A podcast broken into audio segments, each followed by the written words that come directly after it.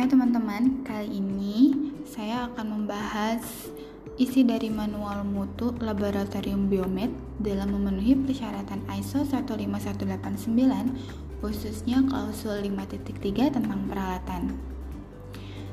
Nah, untuk menjamin kualitas hasil pemeriksaan, tentunya Laboratorium Biomed terlebih dahulu akan melakukan proses seleksi terhadap alat yang akan digunakan dimulai dengan menerima penawaran dari beberapa supplier, kemudian manajer teknis bersama dengan pimpinan puncak akan mengkaji dan melakukan penawaran peralatan sesuai dengan kualifikasi dan persyaratan yang dibutuhkan. Setelah pimpinan puncak menyetujui peralatan yang akan digunakan, kemudian bagian logistik melakukan pemesanan ke pihak vendor terkait. Proses ini sudah diatur dalam prosedur pemesanan alat. Kemudian, alat laboratorium yang telah dibeli akan dilakukan install dan juga dilakukan uji keberterimaan alat. Hal ini dilakukan oleh pihak vendor terkait. Uji keberterimaan ini dilakukan untuk memastikan bahwa alat sudah layak digunakan. Selanjutnya, secara internal, laboratorium biomed akan melakukan verifikasi prosedur Nah, tapi proses verifikasi ini juga berlaku pada saat menggunakan alat pinjaman atau alat backup yang digunakan dalam melakukan pemeriksaan MCU. Jadi, proses verifikasi prosedur ini tidak hanya untuk alat baru, tapi juga alat pinjaman atau alat backup yang digunakan untuk pemeriksaan MCU ya. Proses ini juga tercantum dalam prosedur uji keberterimaan alat dan verifikasi prosedur. Kemudian, semua peralatan di laboratorium biomed dapat diidentifikasi dengan jelas melalui pemberian tanda dan juga dikelola dengan cara membuat daftar inventaris agar semua peralatan tertelusur dan terjaga kualitas mutunya. Tentunya, semua alat lab sudah terhubung dengan program LIS, sehingga data hasil pemeriksaan laboratorium ditransfer secara langsung melalui interfacing yang ada dalam program MERIS. Hal ini bertujuan untuk meminimalisir kemungkinan kesalahan pada saat penginputan hasil.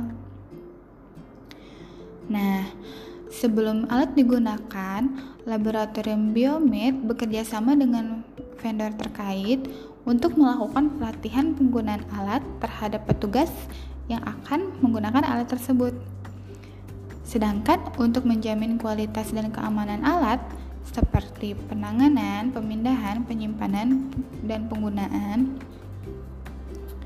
laboratorium biomed juga membuat prosedur tentang penyimpanan dan pemindahan alat. Kemudian, untuk menjamin kestabilan alat, Tentunya laboratorium biomed melakukan kalibrasi. Kalibrasi ini dilakukan secara rutin satu tahun sekali. Proses kalibrasi dilakukan untuk semua alat ukur seperti mikropipet, termometer, dan lain-lain. Tentunya laboratorium biomed bekerja sama dengan BPFK atau lembaga kalibrasi lainnya yang sudah sesuai dalam daftar vendor yang disetujui oleh pimpinan puncak. Nah, semua proses kalibrasi ini juga tercantum dalam prosedur proses kalibrasi alat. Selain itu, untuk menjaga kondisi kerja peralatan, laboratorium biomed melakukan maintenance sesuai dengan instruksi manufaktur alat terkait. Nah, proses maintenance ini akan direkam pada kartu maintenance. Semua proses maintenance ini juga tercantum pada prosedur pemeliharaan alat. Sedangkan untuk alat yang bermasalah dan tidak dapat digunakan, maka alat akan diberi label tidak digunakan. Kemudian selanjutnya manajer teknis akan segera menindaklanjuti masalah kerusakan alat tersebut ke pihak vendor terkait dan juga melapor kepada pimpinan puncak. Proses ini juga diatur dalam prosedur penanganan alat rusak. Kemudian, apabila terjadi insiden dan kecelakaan kerja yang terjadi karena penggunaan peralatan tertentu, manajer teknis juga akan segera melakukan investigasi dan melaporkannya ke pimpinan puncak.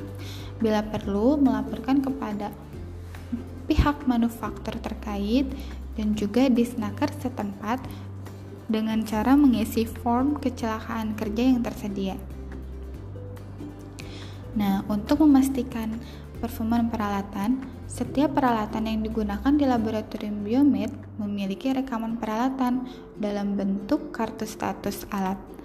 Kartu status alat ini harus dipelihara untuk memantau dan memastikan kinerja pemeriksaan pada masing-masing peralatan. Demikian informasi mengenai persyaratan peralatan ini.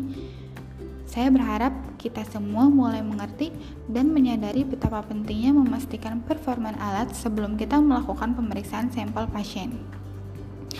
Hmm, kira-kira uh, banyak nggak ya PR yang harus kita kerjakan sebelum kita mulai diaudit oleh auditor kan?